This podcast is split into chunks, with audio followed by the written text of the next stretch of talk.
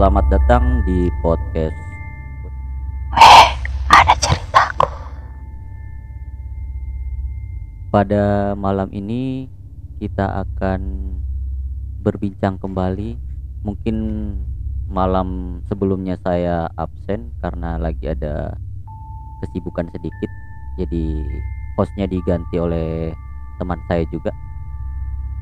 Nah, eh, pada malam ini kita akan kedatangan tamu juga yaitu dia itu seorang mantan penyiar di salah satu siaran radio di Makassar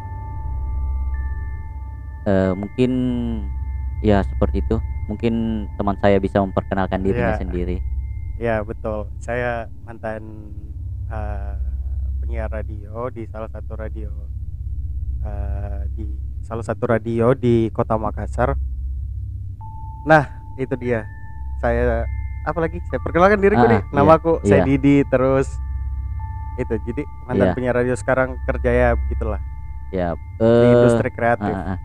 jadi kejadian-kejadian apa saja yang pernah dirasakan dan awal mulanya itu seperti apa langsung di jadi eh, itu saya ikut masuk eh, di sebuah kerja di sebuah stasiun radio itu tahun berapa itu di Eh, semester 3 kalau udah salah semester 3 kita tahun Di- berapa itu tahun seperti kayak dua kayaknya 2014 kalau nggak salah. 2004 iya Ah, dua- 2014. 2014 ke 2015 kayaknya 2014 akhir terus eh, itu zaman-zaman masih kuliah karena saya Ah. sama Givar juga satu kampus gitu jadi eh, saya masuk ke radio itu karena diajak sama temanku sebenarnya mau aku jadi produser Eh, saya daftar menjadi produser ah, jadi ah. pertama kali saya eh, bekerja di radio itu sebagai produser untuk Iya, iya. siaran malam Ah, ah. which is siaran malam itu dari jam 9 sampai dengan jam 1 pagi. Iya. Pokoknya eh, saya tidak pernah berpikir bahwa bakalan eh, apa di ada pengalaman-pengalaman horor yang terjadi di radio begitu. Ah. Awalnya itu hari pertama saya bekerja sebagai produser karena kan sebelumnya sudah sering datang waktu itu interview terus meeting dan segala macam training tapi itu kan semua dilakukan dari siang sampai sore ah. nah tibalah di waktu hari pertama saya bekerja tapi as tapi memang producer. itu waktumu mendaftar tidak ada jadi tidak tidak tidak, tidak ada tidak ada sama sekali pikiranku bahwa ini tempat bakalan sehoror itu Ah, karena eh, ini tempat ternyata sudah menjadi eh, urban legend nih juga di kota Ah. Makassar Iya. jadi uh, ada beberapa orang yang mungkin punya uh, apa punya penglihatan atau bisa melihat-lihat begitulah tuh Iya. sosok-sosok yang indie home astral. di ceritanya ya yang indigo begitu apa selalu media kasih tahu uh, bahwa ini tempat ada ininya ada ini ada ini tapi saya Ah. tidak pernah percaya karena memang tidak kau lihat pada waktu itu iya dan saya cukup skeptis juga sama apa di yang begitu-begitu Iya, sebenarnya nggak terlalu awalnya percaya di karena belum ada pengalaman iya. tuh Ah, ah. hari pertama saya lanjut cerita jadi hari pertama ketika saya baru bekerja sebagai produser waktu hari itu dulu kan rambutku gondrong iya toh. iya iya iya saya saya ingat sekali juga waktu gondrong ya jadi itu siaran di lantai tiga jadi kalau siaran malam itu jam 9 di lobby di office di lantai satu eh, jadi itu saya ceritakan dulu gedungnya itu ada empat Ah. lantai Iya. empat lantai lantai satu itu ada lobby tempat terima tamu dan segala macam lah tempat nongkrong Eh, terus lantai dua itu ada office Iya. buat eh, anak-anak apa eh, office kerja di situ Iya, marketing dan untuk, segala ya, macam tuh. lantai tiga itu studio siaran dan lantai empatnya itu ada rooftop Ah. sama ada satu orang penjaga nah Iya, ini iya. satu orang penjaga biasanya dia kalau jam 9 naik nih tidur ah. jadi lantai satu lantai dua itu kosong iya iya iya tidak ada orang jadi di lantai tiga itu cuma ada dua penyiar sama saya sendiri pada malam itu? Pada malam itu. Iya, iya, dan itu terjadi setiap malamnya karena Ah, saya produser itu siaran prime time malam dari jam 9 sampai dengan jam 1 pagi. Berarti tiap hari kau memang kau ada di situ? Tiap kecuali hari hari. libur? Kecuali hari libur Iya. dari, dari Senin sampai hari Jumat. Ah. Lima hari. Weekdays itu jadi hari pertama ini kan pekerjaannya produser itu siapkan bahan materi terus kau bahas ini itu terus habis itu siapkan lagunya siapkan info Ah. bahan-bahan siaran lah. Ya ya ya. Kalau jalan di siaran itu saya bisa ji keluar eh, sebat-sebat di depan sambil nonton TV Ah, ah. waktu itu cut keberapa itu? Jam setengah sebelas malam. Ya. Saya keluar nih. Dari perasaanku sam- sambil nonton TV merokok-merokok anak-anak siaran di dalam berdua temanku. Rambutku kan masih gondrong tuh iya duduk kayak ini kenapa tiba-tiba yang di belakang kayak ada yang tarik rambutmu iya rambutku kayak saurai itu hari Iya, itu iya, iya. saurai ki kayak ada yang tarik ki kayak maksudnya tarik tarik Tarik satu, dari belakang. satu, kau kan pernah gondrong Iya. juga toh kalau kau urai itu di belakang tertarik pasti, pasti, ada kayak terasa di nah, terasa gitu kayak kayak satu ada yang ah, tarik ah, tarik di ya, ya, bagian ya. kepala belakangmu itu Ah. kayak ada koresa yang tarik Iya. begitu tuh saya bilang saya kira karena saya sadari ji mungkin rambutku. Toh Heeh. maju Mungkin- kak maju mungkin mungkin kok kira ya anda tas sangkut ya apa toh? Iya tersangkut Iya, iya, ki iya. atau apa kak. Jadi maju kak ke depan toh. Jadi ndak duduk mah di sofa di dibawa kak duduk sambil ngerokok begitu tuh minum kopi. Kenapa kayak ada lagi? Kedua kalinya bilang ain ndak beres ini. Iya iya iya. Ndak beres ini. Jadi masuk ke ruangan siaran. Itu gangguan pertama aku terjadi Heeh. di stasiun radio itu by the way saya kerja di stasiun radio itu mungkin tujuh tahun mi terakhir Ah. tahun 2020 kemarin berarti baru-baru pokoknya ini di resign iya iya iya bukan resign sih saya kayak ndak ambil jadwal Oh, siaran dulu iya, iya. karena eh, ada kerjaan lain tuh yang ndak bisa ditinggalkan nah dan ternyata tempat itu tuh kayak ada pernah eh, chef Aoki kalau ndak salah itu apa celebrity chef tuh Iya. Dia datang ke radio untuk interview terus eh, dia kan punya kemampuan gitu Ah, indigo. kemampuan kemampuan indie home juga. Ayo, dia masuk di lantai satu. Dia bilang ini tempat toh kayak kau dalam akuarium. Jadi kau dalam akuarium, terus ini banyak orang yang lihat kau di luar dan yang lihat kau itu toh bukan makhluk biasa yang begitulah. Iya iya iya iya. Ada berbagai macam bentuk dan segala macam. Pokoknya Ah. itu tempat toh ngeri sekali apalagi kalau kau di dalam ruangan siaran dia bilang. Iya. Pernah ada satu juga artis Monita kalau nggak salah siapa? Monita siapa ke pokoknya artis artis tuh datang dia promo film bisa lihat-lihat begitu. Ah, Pas naik ke lantai tiga menangis Ki. art yang artis itu. Iyo menangis Ki. Dia Ah. bilang banyak sekali saya lihat. Beuh. Nggak mau mas. Jadi pokoknya ini lantai tiga tuh salah satu tempat yang terseram juga. Oh berarti nih artis nggak sampai di ruang siaran. Nggak sampai jadi dia nggak masuk dia langsung eh, lari ke hotel kalau nggak salah waktu itu.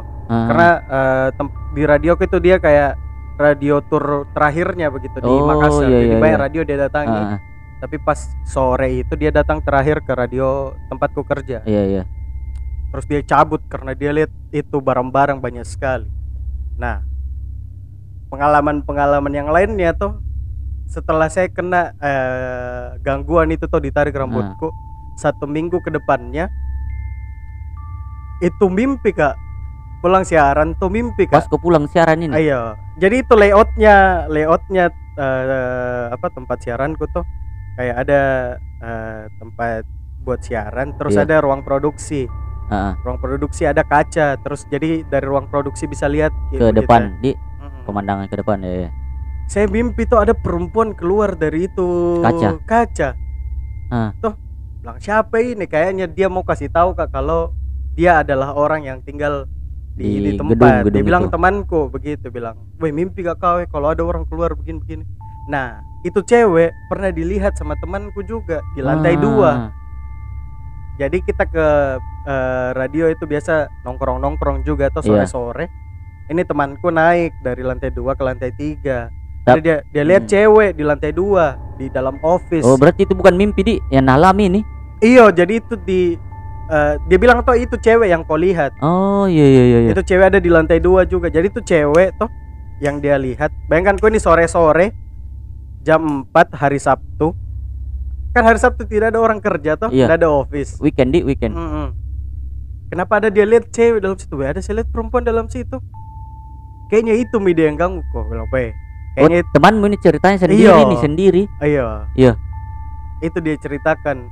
Nah, selanjutnya tuh pernah kak juga alami itu cewek lagi gangguannya itu Hmm. cewek siaran kayak ini lagi kita lagi bahas soal mirror kaca Ah, ba- bagaimana penampak penampakannya nih cewek dia pakai standar apa standar itulah standar Tan- tante cewek-cewek setan yo Ah, eh, tante kun-kun. standar cewek-cewek setan lah baju putih panjang rambutnya Ah, atau ya begitu. Nah eh, itu hari siaran ke eh, hari Kamis malam Jumat selalu memang ada konten-konten horor. Iya. nah ini gangguan yang paling jelas dan terasa memang. Itu tuh lagi siaran ini tuh saya duduk sama temanku penyiar sama ada satu operator temanku bertiga juga. ku dalam ruangan atau banyak Uh, berempat Ah. berempat ada satu orang temanku uh, lagi kerja skripsi juga Iya. sama ada dua orang di produksi rame rame sekali tapi itu posisinya sudah jam setengah 12 malam nih Ah. Kon- berarti kontennya konten bahas horor-horor juga bahas horor-horor kita bahas soal kaca ah iya jadi iya di iya, kaca iya. itu katanya selalu ada uh, orang yang tinggal di dalam situ Hmm, hmm, hmm. terus banyak legenda-legenda dari luar negeri juga tentang kaca iya iya Toh, kita cerita soal itu. Nah, kita lagi cerita soal itu uh, Bloody Mary, perempuan yang tinggal dalam Ah, ah, kaca. ah. Kalau kita sebut namanya tiga kali katanya keluar. Iya. Kita bahas soal itu, dibecanda-becandain juga kayak ya siaran biasa lah. Tiba-tiba toh dari mixer Iya. out of nowhere tidak tahu dari mana ada suara orang ketawa keras sekali. Anjir. Merinding cerita. Suara orang ketawa, friend. Ih, begitu-gitu tuh Eh, dan itu lama ada sekitar 20 detik. Tapi Dan memang memang itu terrecord ke ter itu eh, anehnya dia tidak terrecord oh di iya iya. di file, File, buat iya. buat kita dengar tapi lagi. memang yang kau dengar ter terdengar jelas sekali. karena saya empat orang Mm, enam orang ditambah dua orang dari ruang eh, dari ruang produksi. Dia Iya. dengar. Iya. itu langsung ki semua lari dari ruang siaran karena ada orang teriak itu. Hmm. ketawa. Bayangkan kok kita tidak ada play sama sekali tidak ada tangan di atas mixer tidak ada efek dan sama sekali itu tiba-tiba keluar suara dari kan kalau kita siaran begitu di mute ke semua Iya, atau iya. audio Ah. audio yang dari luar tuh jadi di headphone di semua ini keluar dari mixer dari sound system keluar semua suara orang ketawa Iya, itu iya, langsung iya. kilari dan waktu itu zaman Twitter banyak sekali yang mention di twitternya itu radioku ah. Bilang suara apa itu tadi? Suara apa itu oh tadi? berarti ini orang yang live live gini live. La- lagi live. Oh iya iya iya. Lagi live dan semua orang dengar. Tapi tidak terik tidak ada record nah pas kita mau dengar lagi terus selesai mungkin di siaran. Karena rame-rame jadi gitu jadi berani semi-semi berani jila tuh Jadi di mungkin play banyak gitu di detik ke pas itu eh, lagi bicara soal mirror itu tidak ada siaran eh, apa record Recordnya rekamannya tidak- tidak rekaman ada. siarannya tidak ada. Tidak ada deh. Nah pernah juga siaran. Nah ini jadi penyiar main Iya, ini siaran malam. Ini ada temanku satu orang bisa lihat-lihat begitu orang Hmm. Arab. Eh, temannya temanku dia panggil ke eh, teman di siaran tuh. Dia naik mi lari ke naik. Weh kenapa horor sekali ini tempat? Pas ki mau pulang jam 12 kalau tidak salah weh pulang duluan be- duluan mana? Dia buka pintu langsung berteriak kau tahu apa? Dia lihat depan pintu. Kakek-kakek tapi pendek. Pendeknya itu kira-kira se sebetis orang dewasa jelas. Oh. Kakek-kakek. Kakek kakek pendek. Sebetis. Bayangkan kok bagaimana Iya, dia iya, tidak berteriak. Yang pasti bukan mi orang itu yang pasti bukan dua orang itu. Eh ini, ini temanmu eh laki-laki? Laki-laki teman. Sama temannya juga laki-laki juga? Sama teman siaranku laki-laki. Oh, bertiga iya. kak Ah, waktu itu. ah. udah ada produser waktu itu itu salah satu gangguan yang serem juga ada pernah ini temanku siaran eh, horor mi juga toh malam Jumat. Kita panggil komunitas Indigo begitu Iya, iya, untuk, iya, iya. eh, oh ternyata siaran. Pak, ada komunitasnya itu iya ada. Iya iya iya iya. bisa Baru- kau baru- panggil nanti ke sini. Iya. nanti saya mintakan, menarik juga iya. Nanti saya mintakan kok saya carikan kau kontaknya nah eh, siaran min itu tengah malam. Ini temanku satu orang ndak ndak percaya ji soal begitu begituan jadi dia bilang bisa kau bukakan mata batinku Heeh. tapi dia bilang ini orang eh, ya yang ngomong begitu laki-laki iya, laki-laki semi laki-laki lah. Iya oh iya iya oke oke. Ndak percaya ke begituan mau dibukakan mata batinnya beda nah dia bilang ini orang yang bisa bukakan ceritanya. Saya juga ndak terlalu percaya sih tapi saya lihat reaksinya temanku pas dibukakan. Ternyata gila memang sih. Dibukakan bin ceritanya. Yang penting kau harus percaya dia bilang itu orang anu tuh yang eh, anak komunitas indigo iyo itu? anak indigo itu dia bilang harus kau percaya. Dia bilang iyo teman dia bilang temanku iyo bukakan mah itu pokoknya tengah malam nih juga. Kan kau itu dibukakan ki mata batinnya waktu itu kita lagi cerita soal saya sebut min nah, Iya. Sumiati iya iya iya. ingat itu Sumiati Yang- yang- anjir berinding kak Fuck. yang ini di ce- cerita rakyat yang horor Iya, yang mendarah salah- daging mini di Makassar Iya salah Iya, iya. satu legenda inilah legenda horor lah legenda horor di kota Makassar kita lagi cerita itu dan lokasinya itu kan di tengah kota itu Ah. ada dekat dengan lapangan yang Lapangan, besar iya. terus pokoknya monumen-monumen dekat di situ pokoknya Ah. tengah kota lah Iya. Eh, di diceritakan ini eh, temanku tuh soal itu Sumiati nah Tante ini Sumiati Iya, ini temanku minta mi dibukakan mata batinnya. Iya. Ketika pas dibukakan ke mata batinnya tuh, baru kan itu settingannya radioku kalau kau lihat ke kaca itu Dilihat langsung landscape semua. Ah, ah. kota Landscape kota, kota, ya. sama landmark kota kayak lapangan. Iya. Kau tahu Mila lapangan yang ada ku, tujuh kuburan eh tiga kuburan berapa Tujuh. ya? Tujuh kuburan Tujuh, di, di tujuh. tengahnya. Dan pasti itu tempat horor sekali. Bayangkan Hmm. kau pas dibukakan mata batinnya, langsung ki berteriak, baru langsung ki pingsan. Ah, karena apa yang dia lihat? Dia cerita waktunya bangun. Dia lihat itu di depan kaca ada ribuan makhluk yang lagi lihat kita siaran.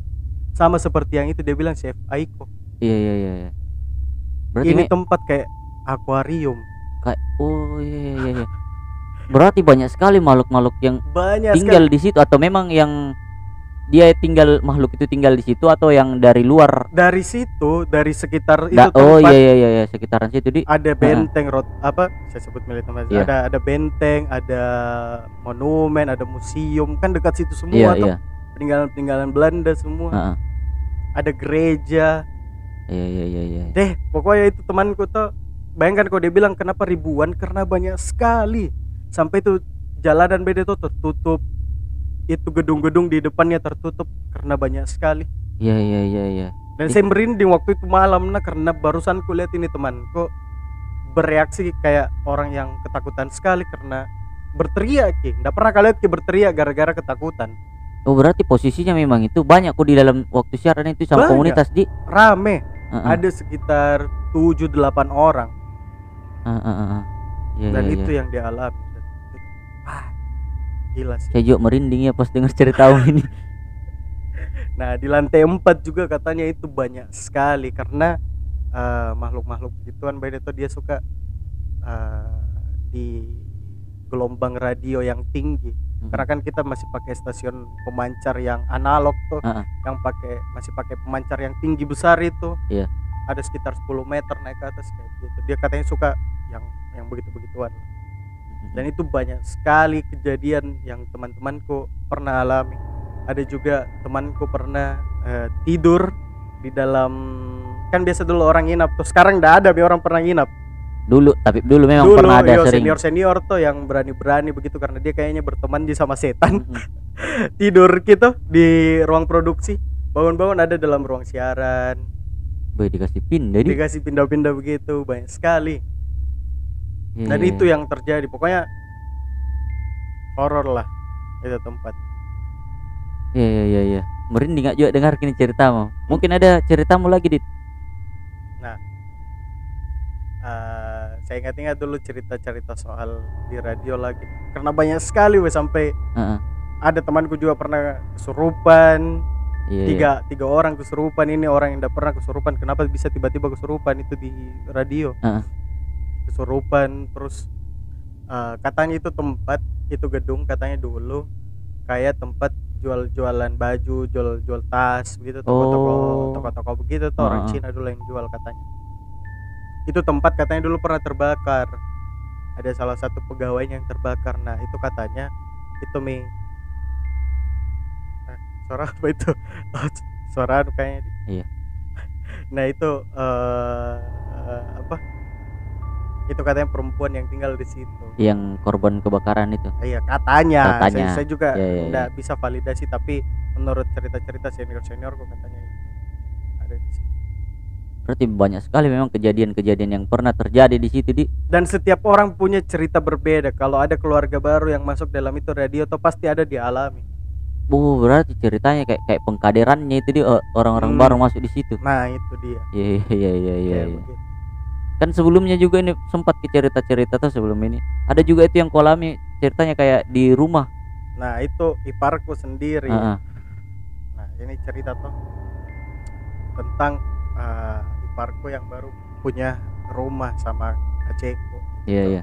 Itu eh, tempatnya eh, rumahnya ada di sekitar mana di dekat perkuburan covid lah sekarang kalau bisa iya iya dibilang. tapi masih daerah Makassar dan di itu masih itu berapa tahun yang lalu dan itu tempat masih belum terlalu ramai itu. Heeh, kan sekarang sekarang baru ramai jalanan-jalanan di situ tuh. Iya. Baru pi juga banyak kos-kosan karena I- itu itu kejadiannya kapan itu? Hmm, dua tiga tahun yang lalu kalau oh nggak salah. baru pidi. Iya masih baru-baru ini. Iya Nah itu rumah sudah dijual nih by the way.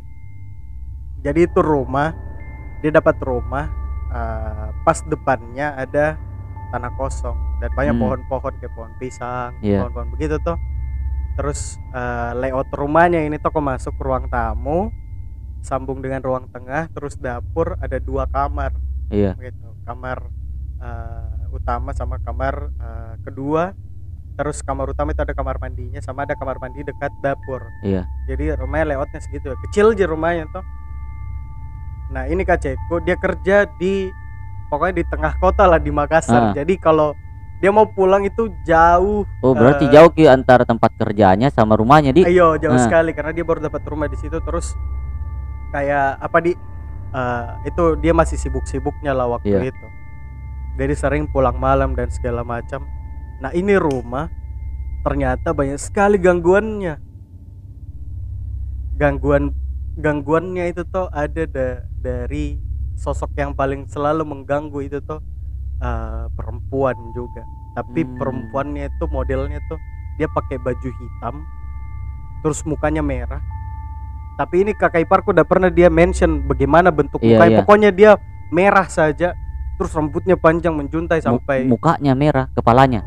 Pokoknya bagian dari anjir merinding kak pokoknya bagian dari lehernya toh leher sampai atas. lehernya sampai atasnya itu sampai jidatnya katanya merah tapi dia nggak bisa di Divisu- describe iya, iya, eh, dia atau perempuan atau laki-laki? Jelas nih kayak perempuan deh Ah, ah. tapi dia nggak bisa describe bagaimana hidungnya Iya, matanya mukanya hancur kak tapi dia bilang pokoknya merah saja.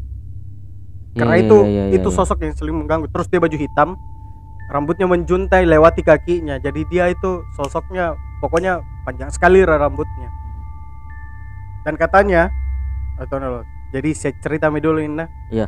baru saya kasih tahu kok dari mana asalnya Iya, ini iya, iya.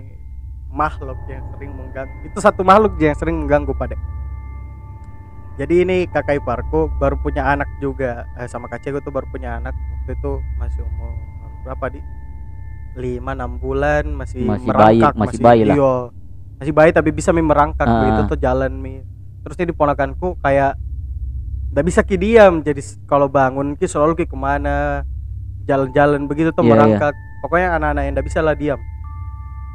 Pernah suatu hari jadi ini kakekku dia telepon mi eh, kakak iparku bilang kalau telat ki pulang atau ada meetingnya. Heeh. dan dia telat pulang which is kalau dari kota juga ke itu tempat kayaknya butuh waktu setengah jam sampai 40 menit kayaknya di untuk naik mobil. Nah dia bilang mi begitu. Terus tidur mi ini itu berdua eh, kakak iparku sama ponakanku. Iya.